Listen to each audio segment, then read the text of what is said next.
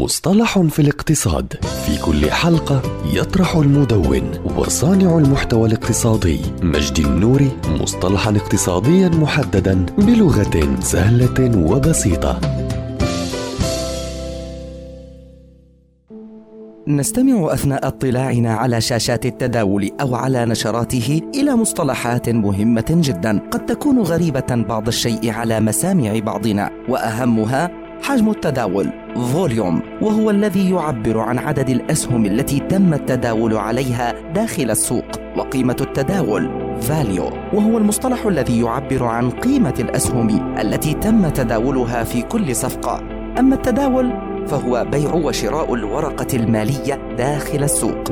أما السوق الأولي فهو قيام الشركة بإصدارات جديدة يتم طرحها بشكل عام للجمهور قبل بداية التداول في البورصة.